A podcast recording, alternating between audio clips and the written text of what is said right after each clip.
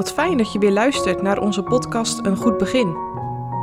We nemen je mee door het Evangelie van Marcus en helpen je om van stap tot stap dit Evangelie te begrijpen. Vandaag met Dirk-Jan Nijsink. We gaan vandaag verder met het Marcus-evangelie. We lezen hoofdstuk 8, vers 27 tot en met 30. En Jezus ging uit en zijn discipelen naar de vlekken van Caesarea Philippi. En op de weg vraagde hij zijn discipelen zeggend tot hen: Wie zeggen de mensen dat ik ben? En zij antwoorden: Johannes de Doper, en anderen Elia, en weer anderen een van de profeten. En hij zei tot hen: Maar gij lieden, wie zegt gij dat ik ben? En Petrus antwoordende zei tot hem: Gij zijt de Christus. En hij gebood hun scherp dat zij het niemand zouden zeggen van hem. Wie is Jezus voor jou? Ik kan me geen vraag bedenken die belangrijker is dan deze. Welk antwoord geef je op deze vraag? En hoe ken je hem? Ken je hem van horen zeggen en moet je doen met dat wat anderen over hem verteld hebben? Of ken je hem persoonlijk, omdat de Heilige Geest je bij kennis heeft gebracht? Op de vraag wie jij denkt dat Jezus is, kun je veel verschillende antwoorden geven. Maar uiteindelijk gaat het erom hoe jij tegenover Jezus staat. Wat heb je met Hem? Er zijn veel mooie antwoorden gegeven op de vraag wie Jezus is. De mensen in Israël geven ook prachtige antwoorden. Het zijn dingen die ze opmaken door naar Jezus te kijken. Op een afstandje. Immers uit de schriften wisten de mensen hoe een profeet van God eruit zag en wat hij deed.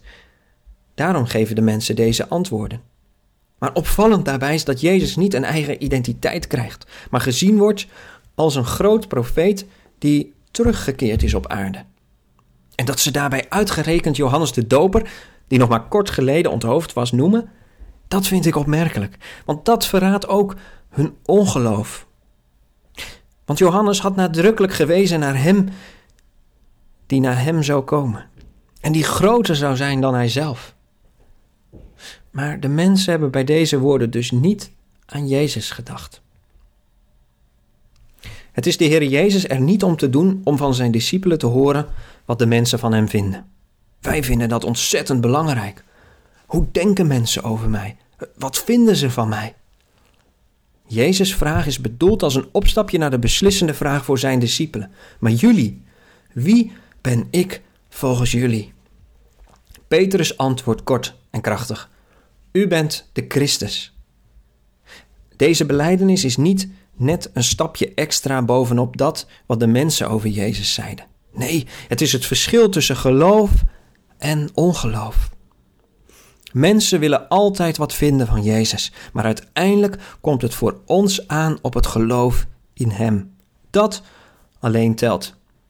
Zegt Paulus het later niet? Indien u met de mond zult beleiden de Heere Jezus en met uw hart geloven dat God hem uit de doden opgewekt heeft, zo zult u zalig worden. Op die beleidenis komt het aan. Eigenlijk kun je met Jezus ook maar één kant uit. Zoiets heeft C.S. Lewis ooit opgemerkt. Veel mensen vinden Jezus een inspirerend mens, maar zien hem niet als God, of als Gods zoon.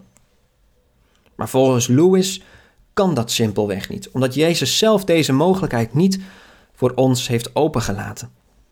Hoe kun je iemand serieus nemen die claimt God te zijn, maar het helemaal niet is? Beleiden is uitkomen voor de waarheid op het punt waar de tijdgeest het meest bezwaar maakt. De christelijke beleidenis dat Jezus de Christus, de Zoon van God is, die gestorven is en opgestaan is en nu leeft tot in eeuwigheid, die beleidenis heeft altijd verzet opgeroepen. Dat zal ook zo blijven. En uiteindelijk raakt het ook aan het verzet in mijn hart. Maar dat weet hij te overwinnen. Wie zeg jij dat Jezus is? En heb jij het van horen zeggen? Of heb je hem ontmoet in het woord en ben je door de Heilige Geest onderwezen?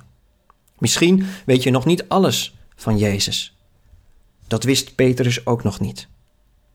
Maar dat geeft niet. In Jezus is zoveel rijkdom van genade.